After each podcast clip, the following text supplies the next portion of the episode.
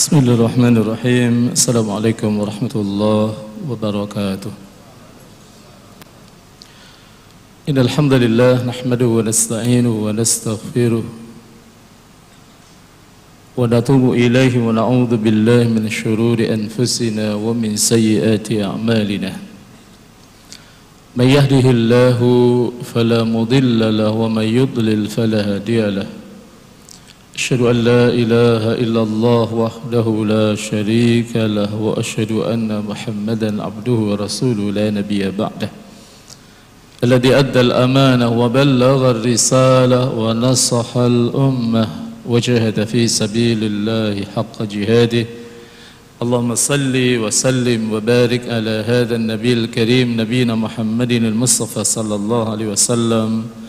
وعلى آله وصحبه أجمعين. أما بعد يقول الله جل وعلا في محكم كتابه وهو أصدق القائلين أعوذ بالله من الشيطان الرجيم. يا أيها الذين آمنوا اتقوا الله اتقوا الله حق تقاته ولا تموتن إلا وأنتم مسلمون.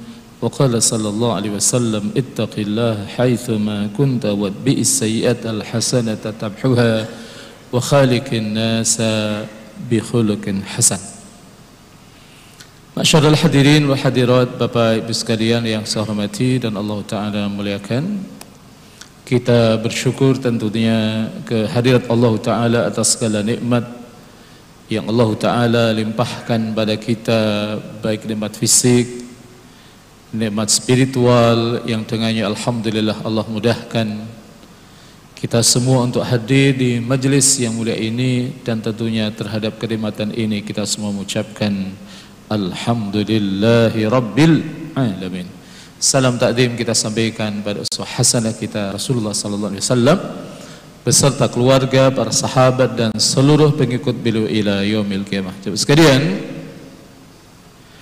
siang hari ini kita akan mengkaji biografi sahabat Rasul sallallahu alaihi wasallam yang mulia.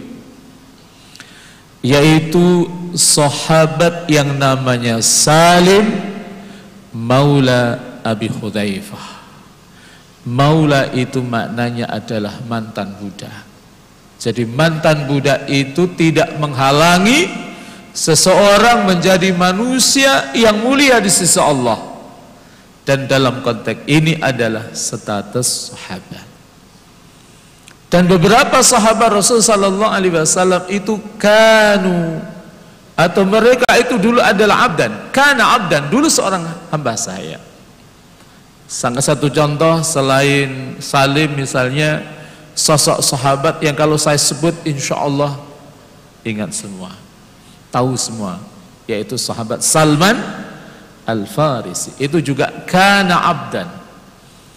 Dan banyak orang-orang hebat dan latar belakang mereka adalah abad hamba sahaya. Di kalangan sahabat tadi ada Salman Al-Farisi, ada Salim di kalangan tabi'in, nanti ada seorang tabi'i yang terkenal dengan kecerdasannya. Yang bernama Imam Hasan Al-Basri itu ternyata beliau adalah kana abdan.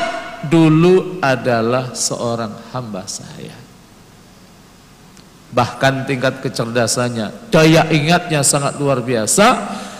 Imam Hasan Al-Basri itu kalau ke mana-mana nggak pernah bawa catatan Pak. Seperti bapak-bapak ini kan kalau pas hadir di majelis ilmu kan nggak ada yang bawa buku kan Bapak? Ya Masya Allah. Kelihatannya itu tipologinya kayak Imam Hasan Al-Basri itu Ida sami'a hafidha ketika mendengar langsung hafal semuanya bahkan kalau Imam Hasan Al-Basri itu kalau keluar dari rumahnya telinganya itu ditutup pakai kapas ada seseorang yang penasaran akhirnya tanya Ya Imam, limada tughatti udhunaika bil qutan? Kenapa engkau tutupi telinga kamu itu dengan kapas? Jawabannya apa, Pak? Khiftu an asma'a kullama ahfad. Aku takut semua yang aku hafal itu ingat semuanya. Tapi orang-orang seperti ini banyak Pak. Kalau di dunia ini kita kenal saudara-saudara kita dari Mauritania. Itu yang terkenal dengan daya hafalannya yang luar biasa. Jadi muslim di Mauritania itu hafal Quran itu biasa Pak. Hafal Sahih Bukhari itu biasa, hafal Sahih Muslim itu biasa. Tapi di Indonesia juga ada Pak. Saya ketemu dengan seorang ustadz ketika satu saat beliau mengimami di satu masjid beliau cerita di kampung kami ustadz itu orang hafal hafal Quran itu biasa hampir separuh dari penduduk di desa saya itu hafal Quran di salah satu kabupaten di Jawa Tengah saya tidak usah sebutkan namanya ya untuk menjaga kode etik Pak ada yang seperti itu jadi separuh dari satu desa itu hafal Quran semua. Jadi mereka dikaruniai oleh Allah Subhanahu wa taala daya ingat yang luar biasa. Nah, Salim ini abad kana abdan dulu hamba saya dan juga diberikan oleh Allah Subhanahu wa taala daya ingat yang sangat luar biasa. Kita mulai dari mukaddimahnya. Beliau adalah sahabat teladan tentunya. Nama lengkapnya Salim bin Makil. Salim bin Makil Maula atau begas budak Abu Hudzaifah bin Udbah bin Rabi'ah bin Abdi Syams bin Abdi Manaf. Beliau masyhur dengan panggilan Abu Abdullah jadi nama Abdullah itu ternyata memang di masyarakat Arab itu nama pasaran Pak kalau kita coba komparasikan dengan di Sunda, di masyarakat Jawa Barat itu seperti nama Asep lah. Kalau nggak Asep apa Pak? Ujang gitu. Ah itu kan nama pasaran Pak. Kalau di Jawa seperti nama Bambang gitu. Nah itu kan pasaran juga Pak. Seperti nama Edi. Saya minta maaf kalau ada yang namanya Pak Edi dan Pak Bambang gitu Pak. Atau Pak Asep dan Pak Ujang itu. Tapi itulah memang di masyarakat Arab itu memang banyak yang namanya Abdullah. Kalau bapak-bapak, ibu-ibu ada yang anaknya itu kuliah di Timur Tengah. Itu yang namanya absen di kelas, Pak. Itu bisa jadi nama Abdullah itu bisa jadi 7 sampai 10, Pak. Namanya Abdullah semuanya. Dan kadang-kadang juga nama bapaknya sama juga. Abdullah bin Muhammad, Abdullah bin Muhammad. Ini pada noleh semua kan akhirnya kan? Nah untuk membedakan biasanya itu disebut namanya nama negaranya. Abdullah bin Muhammad Al-Andunisi ha itu orang Indonesia. Abdullah bin Muhammad Al-Malizi ha itu orang Malaysia. Abdullah bin Muhammad Al-Maghribi. Ha itu orang Maroko. Abdullah bin Muhammad Al-Misri. Ha orang Mesir. Abdullah bin Muhammad As-Saudi orang Saudi seperti itu kalau di kalangan sahabat kita tahu banyak bahwa nama-nama sahabat Abdullah ada Abdullah bin Zubair, ada Abdullah bin Umar, ada Abdullah bin Amr, ada Abdullah bin Abbas, ada Abdullah bin Abi Kuhafa dan Abdullah Abdullah yang lain. Dari sisi nasab beliau hanyalah keturunan bangsa Ajam. Beliau bukan orang Arab, Tepatnya beliau orang Persia dari Istikhar atau dari Khurmud. Jadi beliau bukan orang Arab dan itu maknanya sahabat itu legal dari orang non Arab. Termasuk nama yang saya sebut tadi Salman Al Farisi itu juga bukan orang Arab tapi orang Persia seperti Salim Maula Abi Hudzaifah. Dan Persia itu sekarang itu adalah kawasan Iran dan sebagian Afghanistan. Itu adalah Persia. Itu juga terkenal orangnya yang pinter-pinter juga bahkan Rasulullah SAW juga pernah belajar dari Salman. Ketika beliau berhadapan dengan pasukan yang cukup besar yaitu dalam satu peperangan yang sangat masyur namanya perang Khandaq atau yang disebut dengan perang Ahzab itu Rasul sallallahu alaihi wasallam karena tidak ada wahyu sempat minta pendapat dari sahabat dan waktu itu yang memberi usulan bukan orang Arab tapi orang Ajam. Yang tidak lain adalah Salman Al-Farisi. Karena Salman pada waktu itu memberikan usulan dengan pengkalian parit. Jadi tempat-tempat yang menjadi akses musuh untuk menuju ke Madinah, ah di situlah digali parit. Dan betapa Rasulullah SAW bersama dengan para sahabatnya sekitar 800 sampai 1000 orang mereka menggali parit enam hari enam malam. Dan di situ ada seorang sahabat Rasulullah SAW yang sangat baik sekali, namanya Jabir bin Abdullah. Seorang sahabat Rasulullah SAW juga yang terkenal dengan riwayat hadisnya. Jabir bin Abdullah ini periwayat hadisnya itu nomor 6, Pak. Setelah Abdullah bin Abbas itu nomor 5. Nomor 4 ada Ummul Mukminin Aisyah, nomor 3 ada sahabat Anas bin Malik, nomor 2 ada Abdullah bin Umar dan nomor 1 paling banyak berita hadis adalah Abu Hurairah. Nah, Jabir bin Abdullah pada waktu itu melihat Rasulullah dan para sahabat dalam keadaan lapar, beliau pulang-pulang. Beliau pulang dan kemudian menyembelih seekor kambing kecil dan meminta kepada istrinya untuk memasaknya dan juga untuk memasak beberapa kantang gandum untuk dibuat roti. Karena kambingnya kecil Pak Jabir bin Abdillah radhiyallahu anhu datang kepada Rasulullah untuk mempersilahkan datang ke rumahnya setelah matang karena memang ini kambingnya kecil engkau saja ya Rasulullah ini kalau sahabat engkau juga ikut, ini gak cukup karena sahabat engkau yang ikut penggalian pare itu jumlahnya 800 lebih Pak. Ini yang menjadi pertanyaan kira-kira kalau bapak-bapak yang dipersilahkan makan sendiri temannya kira-kira enggak insya Allah bagi atau sendiri Pak Halo? Masya Allah. Ternyata apa yang terjadi? Rasul mengatakan La ya Jabir. Enggak. Udah panggil aja semuanya. Tapi pesan saya Jangan engkau letakkan kualinya itu tempat untuk masak itu dari perapian biar ia di atas di atas tempat perapian. Dan ternyata Alhamdulillah mereka 800 lebih sahabat diminta oleh Rasul untuk pergi ke rumah Jabir. Dan ternyata mereka diminta semuanya. Dan Rasulullah makanya paling duluan atau paling belakangan Pak? Paling belakangan. Kalau kita kira-kira yang jadi pejabat makanya paling duluan atau paling belakangan Pak? Masya Allah. Itulah bedanya Rasulullah dengan kita Nah, jamaah sekalian rahimakumullah dan itulah yang tentunya disebut dengan mukjizat. Nah, beliau bukan orang Arab tapi termasuk dari sahabat Nabi yang minas sabiqin al awwalin yang awal-awal masuk Islam. Ini kedudukan beliau. Beliau juga sebagai seorang sahabat pilihan dari kalangan mawali Mawali itu jamak dari kata maula. Jadi bekas budak yang dibebaskan itu namanya maula, jamaknya mawali. Jadi ini memberikan satu isyarat. Islam itu bukan agama yang melegalkan perbudakan, Pak. Karena di luar sana ada ungkapan-ungkapan seperti itu. Islam datang ada satu faktor sosial perbudakan itu sudah merajalela di mana-mana. Maka Islam memberikan terapi secara bertahap.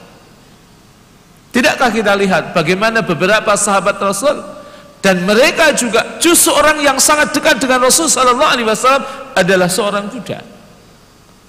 Kalau namanya saya sebut, insya Allah tahu semua. Zaid bin Harithah. Zaid bin Harithah ini adalah seorang hamba sahaya, seorang budak yang pernah menjadi budaknya Rasulullah sallallahu alaihi wasallam yang dikasih oleh istrinya Khadijah radhiyallahu anha dan Khadijah itu dikasih oleh keponakannya. Nah, Zaid bin Harisah ini dibeli di pasar namanya Pasar Ukat. Keponakan Khadijah itu namanya Hakam bin Hisham bin Khuwailid. Jadi manusia sebelum datangnya Islam itu kalmabi kalbidoah bagaikan barang dagangan pak. Yuba'u wa yushtara. Dijual dan dibeli dan Zaid bin Harisah itu dibeli oleh Hakam bin Hisham bin Khuwailid. Keponakannya Khadijah itu usianya baru 8 tahun. Ada perampokan dia culik setelah itu dijual. Nah inilah yang kemudian nanti dimerdekakan oleh Islam. Dan pintu-pintu atau cara Islam memerdekakan adalah punishment pelanggaran-pelanggaran dosa besar itu di antaranya adalah dengan cara memerdekakan budak. Contoh, seorang suami yang berdihar kepada istrinya. Tahu dihar kan? Seorang suami, tapi di hari ini bukan tradisi masyarakat Indonesia nggak ada pak. Itu masyarakat Arab yang tujuannya adalah menghina istri. Kamu itu seperti punggung. Nah ini adalah ungkapan dia dan waktu itu adalah bentuk pelecehan. Wanita dalam Islam itu dimuliakan, tidak boleh dihina pak. Maka ketika ada seorang suami berzihar, maka ia menggauli istrinya, itu hukumnya haram sampai ia memberikan atau ia menunaikan saksinya apa sanksinya yang pertama adalah memerdekakan budak kalau tidak bisa memerdekakan budak nah berikutnya adalah puasa dua bulan berturut kalau tidak bisa memberi makan 60 fakir miskin ini pertama ada yang lain apa itu di antaranya adalah seorang muslim. Seorang muslim ini, Pak. Yang ia menggauli istrinya sendiri. Istrinya sendiri digauli cuma salah waktunya, Pak. Digauli istrinya tapi di bulan Ramadan di siang hari itu kalau ada seorang muslim melakukan hal seperti itu maka ia diberi sanksi dengan cara ia harus memerdekakan budak dalilnya hadis yang masyhur ada seorang sahabat Rasul sallallahu alaihi wasallam datang kepada Rasulullah Ya Rasulullah waqatu imraati wa ana saib Ya Rasulullah Aku telah menggauli istriku sementara aku dalam keadaan puasa bulan Ramadan. Apa perintah Rasul? Iktik rokobah. Kalau gitu engkau memerdekakan budak. Tapi ini sahabat Rasul ini ternyata miskin, Pak. Gak punya duit untuk memerdekakan budak. Karena memerdekakan budak itu mahal, Pak. Saya akan satu contoh. Ketika Abu Bakar As-Siddiq itu memerdekakan Bilal bin Rabah. Itu ternyata tuanya Umayyah bin Khulaf dan Ube bin Khalaf itu dia minta 200 dinar Pak satu dinar sekarang berapa Pak? Kalau taruhlah 2 juta itu berarti 2 juta kali 4 kali 200 berarti 400 juta. Kan tidak semua orang punya duit segitu. Tapi Abu Bakar Alhamdulillah dengan izin Allah dia punya uang itu. Dan uangnya banyak digunakan untuk memerdekakan budak. Tidak hanya Bilal bin Rabah tapi beberapa budak-budak yang telah masuk Islam dimerdekakan oleh Abu Bakar As-Siddiq radhiyallahu anhu apa yang saya sampaikan silahkan lihat dalam kitab namanya Tarikhul Khulafa karya Imam Jalaluddin eh, apa As-Suyuti yang ia berbicara ternyata di antaranya adalah tentang firman Allah di dalam uh, di dalam salah satu ayat Al-Qur'an ia mengatakan wa sayujannabuhal atqa alladhi yu'ti malahu yatazakka. Wa sayujannabuhal atqa dan ia Allah akan menjauhkan orang yang paling bertakwa dari neraka Allah Subhanahu wa taala. Siapa orang yang paling bertakwa itu? Alladhi yu'ti malahu yatazakka. Orang yang memberikan hartanya untuk membersihkan dirinya. Dan para ulama-ulama tafsir ayat itu turun terkait dengan Abu Bakar yang ia memerdekakan hamba saya enam hamba saya sekaligus. Allahu Akbar. Itulah Abu Bakar As-Siddiq radhiyallahu anhu nah itulah Salim Salim Maula Abu Hudhaif Abu Hudhaifah radhiyallahu anhu terhitung sebagai sahabat di kalangan muhajirin muhajirin berarti beliau sempat tinggal di maka karena beliau memang minas sabiqin al awalin sebab beliau adalah maula dari Abu Hudzaifah radhiyallahu anhu yang kemudian dinikahkan dengan keponakan Abu Hudzaifah yang bernama Fatimah bintu Walid bin Utbah al Quraisy. Jadi sama nama Fatimah itu di kalangan para sahabat, di kalangan orang Arab juga banyak juga, Pak. Di Indonesia juga banyak kan nama Fatimah. Sehingga perlu disebutkan bintinya itu siapa? Di samping itu beliau juga terhitung sebagai sahabat dari kalangan Ansar sebab beliau adalah keturunan Bani Ubaid yang telah dibebaskan dari maulanya dari suku Ansar. Jadi inilah jemaah sekalian kedudukan daripada uh, Salim Maula Abi Hudzaifah. Terkait dengan kedudukannya ada sabda Rasul sallallahu alaihi wasallam dan hadis Rasul sallallahu alaihi wasallam ini dari Abdullah bin Amr. Abdullah bin Amr ini adalah satu sahabat Rasul sallallahu alaihi wasallam yang terkenal kecerdasannya, satu dari empat sahabat yang cerdas-cerdas, sahabat yang di usia remajanya sudah hafal Quran. Ada Abdullah bin Zubair, ada Abdullah bin Umar, ada Abdullah bin Amr ini dan satu lagi adalah Abdullah bin Abbas. Ia berkata, aku mendengar Rasulullah Sallallahu Alaihi Wasallam, pelajarilah Al-Quran dari empat orang. Dan tidaklah Rasulullah Sallallahu Alaihi Wasallam menyebut nama-nama ini melainkan mereka adalah orang yang memang mungkin Orang yang punya kapasitas ilmiah dalam bidang Al-Quranul Karim Yang pertama adalah Abdullah bin Mas'ud Kenal Abdullah bin Mas'ud kan Bapak ya? Halo, sudah kenal atau belum Pak? Jadi sebelum masuk Islam ini Abdullah bin Mas'ud itu sempat menjadi pengembala kambing Dan Abdullah bin Mas'ud ini masuk Islamnya itu ternyata ketemu dengan Rasul Sallallahu Alaihi Wasallam saat beliau sedang mengembala kambing sudah tahu keislaman Abdullah bin Mas'ud atau belum Pak? Kalau sudah saya lanjutkan materi ini kalau belum saya jelaskan sedikit itu. Sudah atau belum? Halo? Belum. Nah, jadi begini Mas. Awalnya Abdullah bin Mas'ud itu sudah mengembala kambing. Datang kepada beliau dua orang, dua orang yang separuh bayar. Dan dua orang ini sangat haus sekali. Dia minta tolong kepada sang pengembala kambing yang tidak lain adalah Abdullah bin Mas'ud.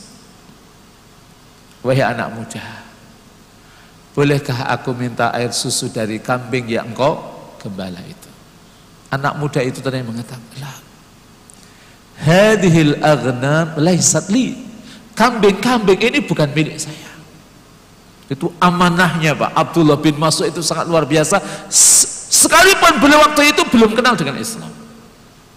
Tapi orang-orang yang amanah seperti ini, Masya Allah, biasanya memang lahir dari orang-orang yang memang seperti ini. Nanti kalau nikah, oh, itu lahir dari wanita yang dinikahi oleh laki-laki yang amanah itu adalah laki-laki hebat.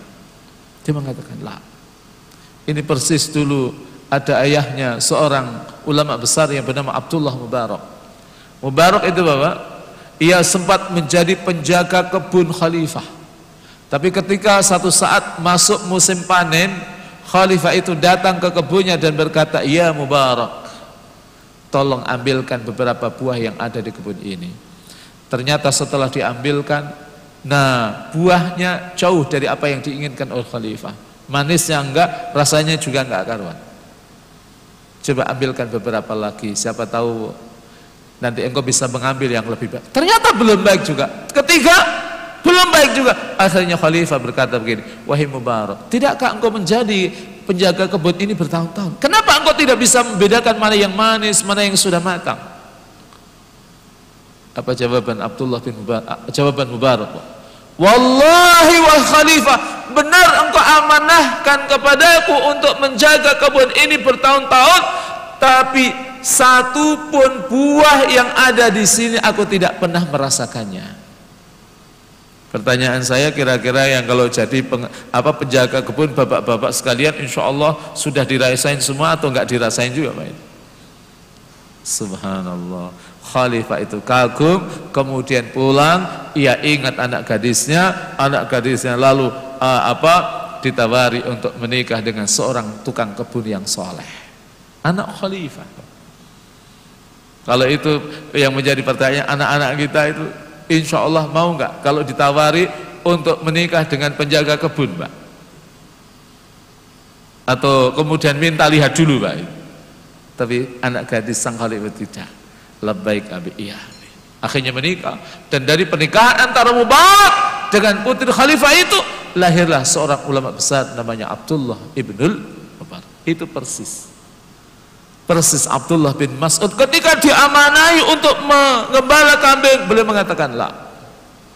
Tapi ketika mengatakan la, karena memang yang diinginkan itu kambing betina kan, yang ada air susunya kan betina. Lalu salah satu dari orang yang setengah baik itu berkata, boleh nggak kau dekatkan kambing jantan itu? Oke. Okay. Akhirnya didekatkan, setelah didekatkan, nah puting kambing jantan itu dipegang. Menggelembung, Pak. Dan diperas air susunya, setelah itu bertanya, kalau kambing jantan ini boleh nggak aku minum air susunya? Silahkan. Karena kita semua tahu, ada nggak kambing jantan itu mengeluarkan air susu? Nggak ada kan itu. Maka dipersilahkan dan ternyata siapa laki-laki itu laki-laki itu adalah Rasulullah sallallahu alaihi wasallam sehingga ada komunikasi yang intens dan akhirnya itulah yang menjadi sebab Abdul eh, menjadi sebab Abdullah bin Mas'ud akhirnya mendapatkan hidayah dari Allah SWT. Jadi yang pertama adalah Abdullah bin Mas'ud. Yang kedua siapa yang direkomendasikan oleh Rasul sallallahu alaihi wasallam agar para sahabat. Ini bukan kita. Tapi ya juga kita semua juga. Belajar dalam artian meneladani spirit belajar terhadap Al-Quran yang dilakukan oleh Salim Maula Abi Khudaifah. Yang kedua ternyata adalah Salim Maula Abi Khudaifah yang sama-sama kita kaji berkafinya. Yang ketiga adalah Mu'ad. Mu'ad yang dimaksud adalah Mu'ad bin Jabal. Jadi Mu'ad bin Jabal itu kalau Bapak Ibu sekalian itu membaca sejarah dan itu tahu biografi Mu'ad Kenapa diminta untuk eh, kita eh, para sahabat diminta untuk mempelajari dari? Karena beliau punya kapasitas yang sangat luar biasa kepahaman tentang Al-Quran. Dan rahasia kenapa ketika Rasul Sallallahu Alaihi Wasallam mengutus duta dakwah untuk berdakwah ke Yaman, kenapa yang dipilih adalah Mu'ad bin Jabal? Karena memang beliau adalah ahlul Quran. Ahlul Quran itu sangat dimuliakan oleh Rasulullah sallallahu alaihi wasallam. Bahkan yang yang memuliakan tidak hanya Rasulullah, tapi Allah pun juga memuliakan orang-orang ahlul Quran. Ahlul Quran tidak hanya pinter dalam membaca Al-Quran, tidak hanya hafal dalam Al-Quranul Karim, tapi juga mengamalkan ayat-ayat Al-Quranul Karim. Itu dimuliakan oleh Allah. Dan satu lagi adalah Ubay bin Ka'ab. Seorang sahabat Rasulullah wasallam yang sangat dekat dengan Rasul sallallahu alaihi Dua yang pertama adalah dari kalangan muhajirin yaitu Abdullah bin Mas'ud dan Salim Maula Abi Hudzaifah. Sementara Mu'ad dan Ubay dua-duanya adalah sahabat Rasul sallallahu alaihi wasallam dari kalangan Ansar. Ini riwayat-riwayat yang menjelaskan bahwa sesungguhnya Islam itu memuliakan manusia. Ayatnya ada dalam surat yang ke-49 ayat yang ke-13. Jadi ternyata Al-Quranul Karim itu menginformasikan bahwa parameter kemuliaan di sisi Allah itu bukan karena performanya, bukan karena status sosialnya, bukan karena jabatannya, tapi adalah karena ketakwaannya di sisi Allah. Maka Allah katakan, Inna akramakum indallahi atqakum. Sesungguhnya orang yang termulia. Akram itu bentuknya superlatif. Kalau dalam bahasa Arab namanya isim tafdil, Pak yang paling mulia adalah atqakum yang paling bertakwa. Kita lihat bagaimana Salim radhiyallahu hanyalah seorang hamba. Saya seorang budak. Budak siapa yang punya yaitu Sabitah bintu Yu'ar bin Zaid bin Ubaid bin Zaid al-Ansari ad-Dausi. Wanita dari kalangan Ansar. Sabita ini adalah isi dari Abu Hudzaifah. Tapi singkatnya pada akhirnya Salim ini diberdekakan dan akhirnya ia menjadi seorang yang merdeka dan di situlah kemudian ia mempelajari agama Allah Subhanahu wa taala dengan serius. Jadi saya selalu berkata, banyak orang-orang besar di kalangan sahabat itu justru punya latar belakang yang biasa-biasa saja. Pak. Tapi masalahnya adalah masalah ketekunan. Sama di negeri ini juga kita lihat ada orang-orang yang mereka sukses itu juga awalnya dari keluarga-keluarga biasa-biasa saja. Bahwa kesuksesan itu sesungguhnya tidak monopoli orang-orang yang mereka berasal dari keluarga besar, dari keluarga biasa saja. Kalau dari sahabat Rasulullah SAW itu sangat banyak, banyak sekali.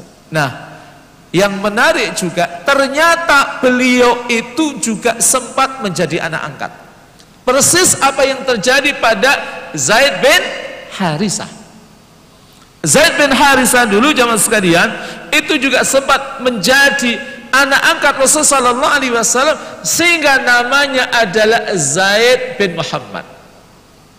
Tapi ketika turun firman Allah Subhanahu wa taala dalam Al-Qur'an yang mulia, tepatnya di dalam surat yang ke-33, Pak. Ketiga-tiga surat apa? Al-Ahzab. Ayatnya ayat yang keempat dan ayat yang kelima nanti kita akan dapatkan teguran dari Allah Subhanahu wa taala kepada Rasul sallallahu alaihi wasallam agar tidak menasabkan anak angkatnya itu kepada dirinya. Jadi kalau ayatnya cukup panjang, Pak. Ma ja'alallahu lirajulin min qalbayni fi jawfihi wa ma ja'ala azwajakum allati tudahiruna minhunna ummahatikum وما جعل أدعياءكم أبناءكم ذلك قولكم بأفاهكم والله يقول الحق وهو يهدي السبيل ادعوهم لآبائهم Jadi kalau diterjemahkan lengkap, tidaklah Allah menjadikan bagi seorang laki-laki itu dua hati dalam satu rongganya. Allah ngasih hati kita berapa? Dua, tiga, atau cuma satu? Satu. Makanya kalau ngaji itu sambil maaf, oh ada aktivitas yang lain ngebros dan lain sebagainya. Ini saya katakan hati kita cuma satu pak, makanya fokus pak. Setelah itu Allah katakan, wa ma ja'ala azwajakum allati tudahiruna minhunna ummahatikum. Tidaklah isi-isi kalian yang kalian dihar di antara mereka itu posisinya seperti ibu-ibu kalian enggak. وَمَا جَعَلَ أَدْئِيَاءَكُمْ أَبْنَاءَكُمْ dan tidaklah ia menjadikan anak-anak yang kalian angkat itu sebagai anak-anak kalian sendiri bukan seperti anak kandung beda Pak Dzalikum qaulukum bi itu adalah perkataan kalian dengan mulut-mulut kalian wallahu yaqulul haq Allah itu berkata dengan kebenaran wa huwa yahdis sabil dan ia memberikan petunjuk jalan kebenaran. Maka Allah katakan ud'uhum liabaihim. Panggillah mereka dengan menasabkan liabaihim kepada ayah-ayah mereka ayah biologis mereka.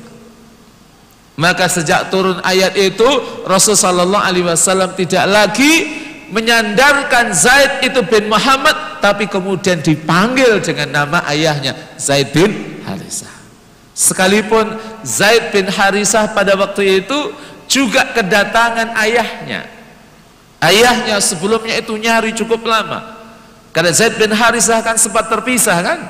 Ketemu dengan ayahnya. Setelah ketemu dengan ayahnya Rasulullah sallallahu alaihi wasallam katakan, "Wahai Zaid, ini ayah kamu."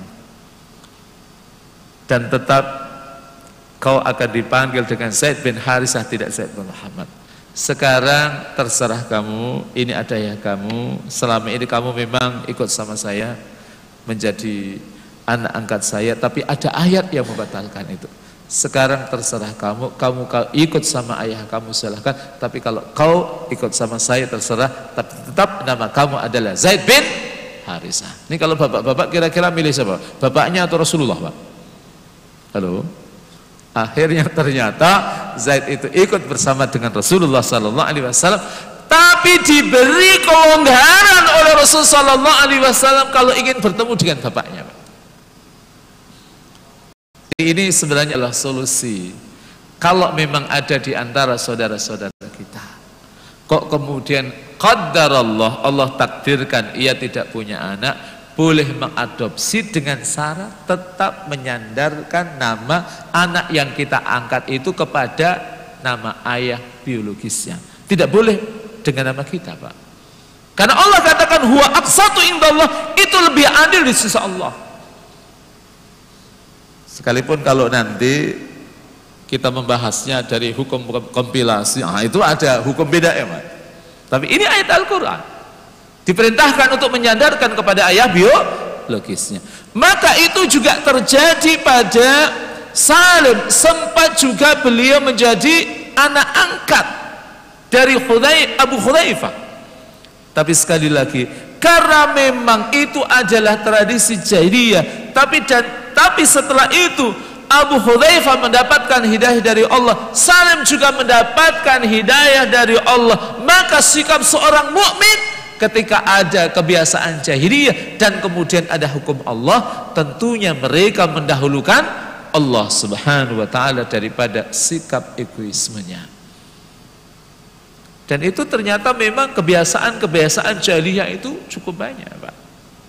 Termasuk yang namanya minum-minuman khamr itu kan tradisi jahiliyah kan dan itu sebagian sahabat Rasul Sallallahu Alaihi Wasallam dulu juga maaf sempat minum minuman khamr juga itu sekalipun tidak semua pak hidup pada masa jahiliyah di mana khamr itu begitu luar biasa menjadi kebiasaan mereka untuk diminumnya tapi ada orang-orang tertentu yang tidak pernah minum khamr ada sahabat Rasul Sallallahu Alaihi Wasallam yang sangat masyhur yaitu sahabat Abu Hurairah. Itu bahkan tidak hanya nggak minum khamr tapi juga beliau tidak pernah menyembah berhala. Itulah orang-orang yang memang Allah jaga fitrahnya.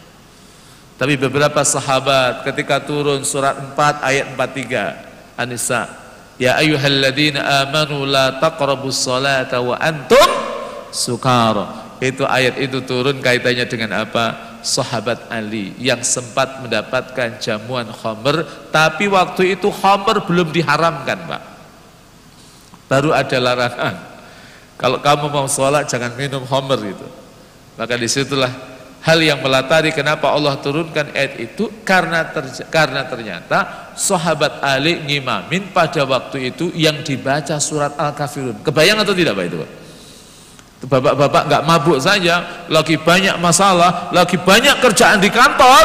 Ah, baca surah Al-Kafirun, insya Allah lancar atau insya Allah nggak selesai-selesai Pak itu. Subhanallah. Jadi itu terkait dengan kebiasaan jah, jahiliyah. Nah, jamaah sekalian, ada hal yang Allah Subhanahu wa taala berikan kepada Salim Maula Abi Hudzaifah ini. Ternyata beliau adalah sang qurra, Sang Qurra termasuk sahabat yang mendapatkan gelar Qurra yaitu para pembaca ahli Al-Quran gelar ini adalah gelar yang tinggi di kalangan sahabat Nabi. Gelar tersebut menunjukkan hafalan Al-Quran pengetahuan akan isinya serta pengamalannya ada tiga item Pak. Hafalan ilmu dan sekaligus pengamalan. Qurra itu tidak hanya ia pandai baca Quran saja Pak. Maka apa yang kemudian harus dilakukan oleh sebagian saudara-saudara kita? Yang mereka hafal Al-Quran itu mereka juga harus berikhtiar menduplikasi gelar yang didapat oleh salib yaitu dengan cara apa? hafal Al-Quran pengetahuannya tentang Al-Quran juga dalam Pak belajar tafsirnya ini kalau bapak-bapak, ibu-ibu maaf baca tafsirnya yang sudah pernah hatam kitab apa Pak? Halo? Tafsir Jalalain pernah hatam? Atau pernah baca sebagian itu? Coba baca tafsir Jalalain, baca tafsir Ibnu Katsir. Itu bagus. Apalagi sekarang kan untuk mengakses ter, terjemahannya bahasa Indonesia itu kan banyak. Gak usah beli kita. Tapi kalau beli lebih bagus, Pak. Saya minta maaf ini saya tidak diminta oleh penerbit Bapak ya. Nanti ada yang curiga ini kayaknya Ustadz promosi buku itu. Enggak Pak. Ini murni saya ingin mengatakan memotivasi kepada Bapak sekalian baca Quran itu.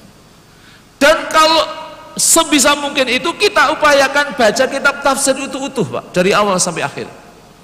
Problem umat ini itu baca Quran, baca tafsirnya itu apa yang ia butuhkan ada tetangganya tanya tentang akad nikah, tentang apa hukum nikah, akhirnya dibaca ayat-ayat tentang nikah saja. Ada tetangganya tanya terkait dengan masalah khitan, eh yang dibuka ayat-ayat tentang khitan. Tapi tidak dibaca utuh sehingga ilmu kita tentang Al-Quran tidak utuh. Makanya sebisa mungkin kalau memang di Telkom ini ada kajian tafsir apa tahlili secara analisis dan itu urut bagus Pak tapi memang selesainya lama juga Pak.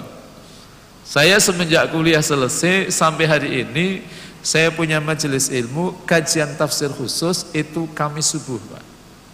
Itu satu pekan sekali. Dulu kita mulai dari surat uh, An-Nas. Sekarang alhamdulillah sudah masuk surat Asy-Syu'ara. Surat yang ke-30 berapa itu? Asy-Syu'ara, ya kan? Nah, surat 34. Ini kan cukup panjang juga, Pak.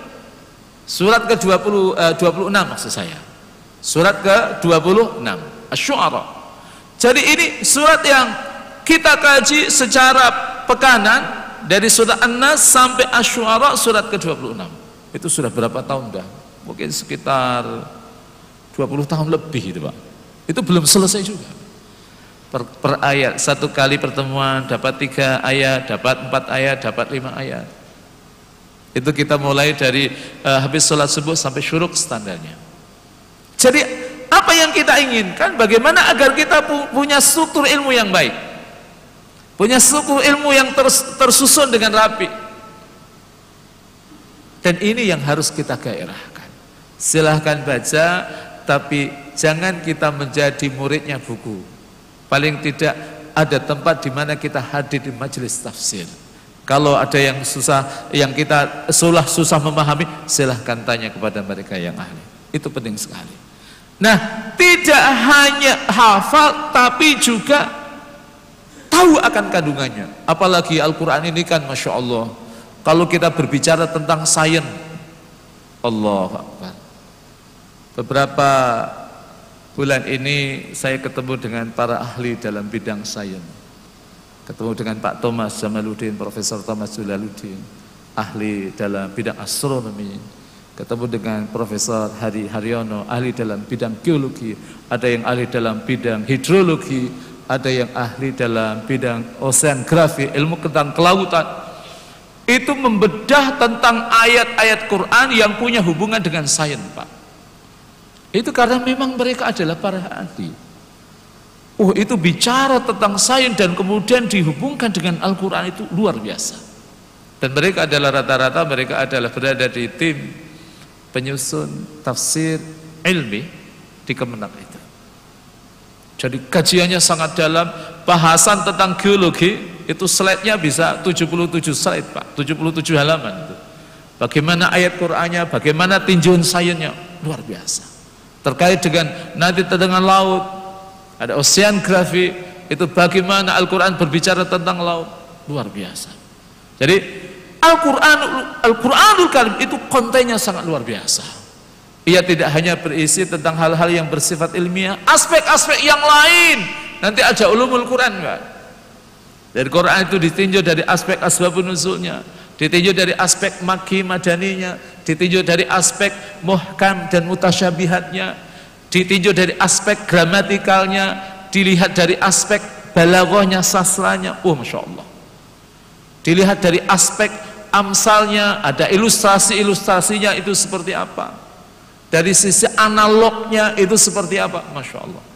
Itu Al-Quranul Karim. Maka semakin orang itu mengetahui Al-Quranul Karim maka di situlah biasanya ia tidak mau lepas dari Al-Quran. Tapi yang saya tekankan Jangan kita itu seperti para orientalis dan para Islamolog yang mereka mengkaji Quran dan bahkan bisa jadi mereka lebih pintar dari kita.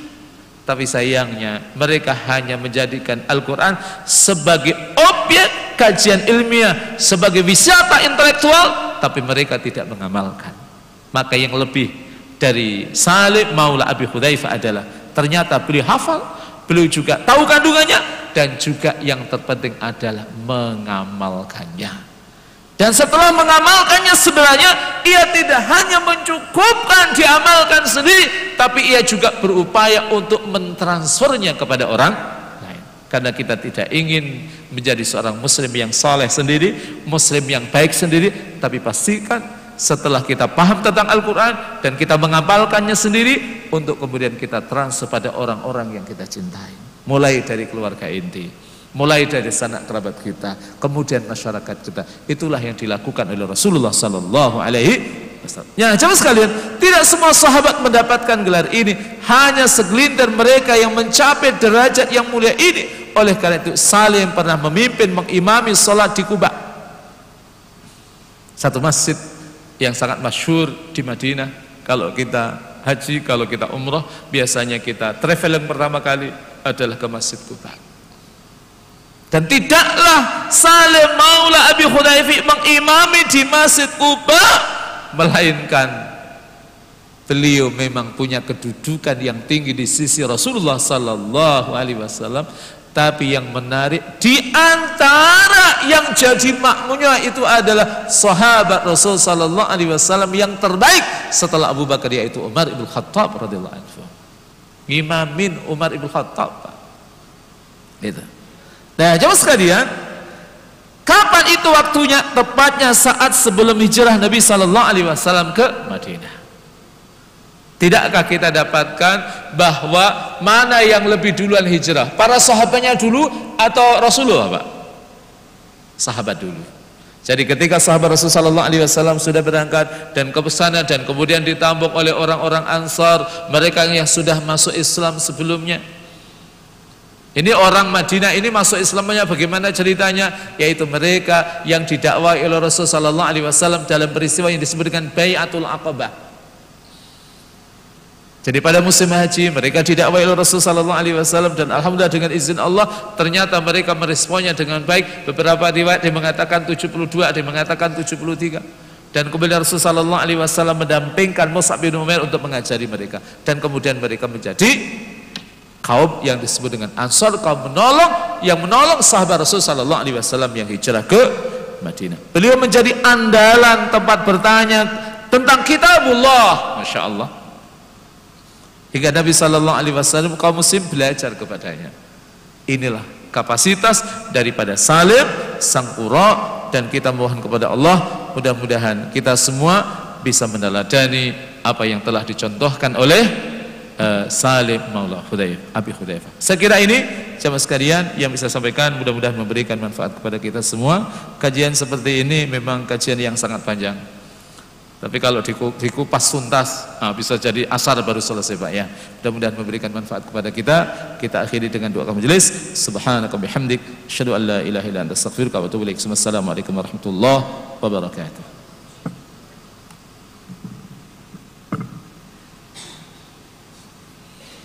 كمان بعد شديد السهاد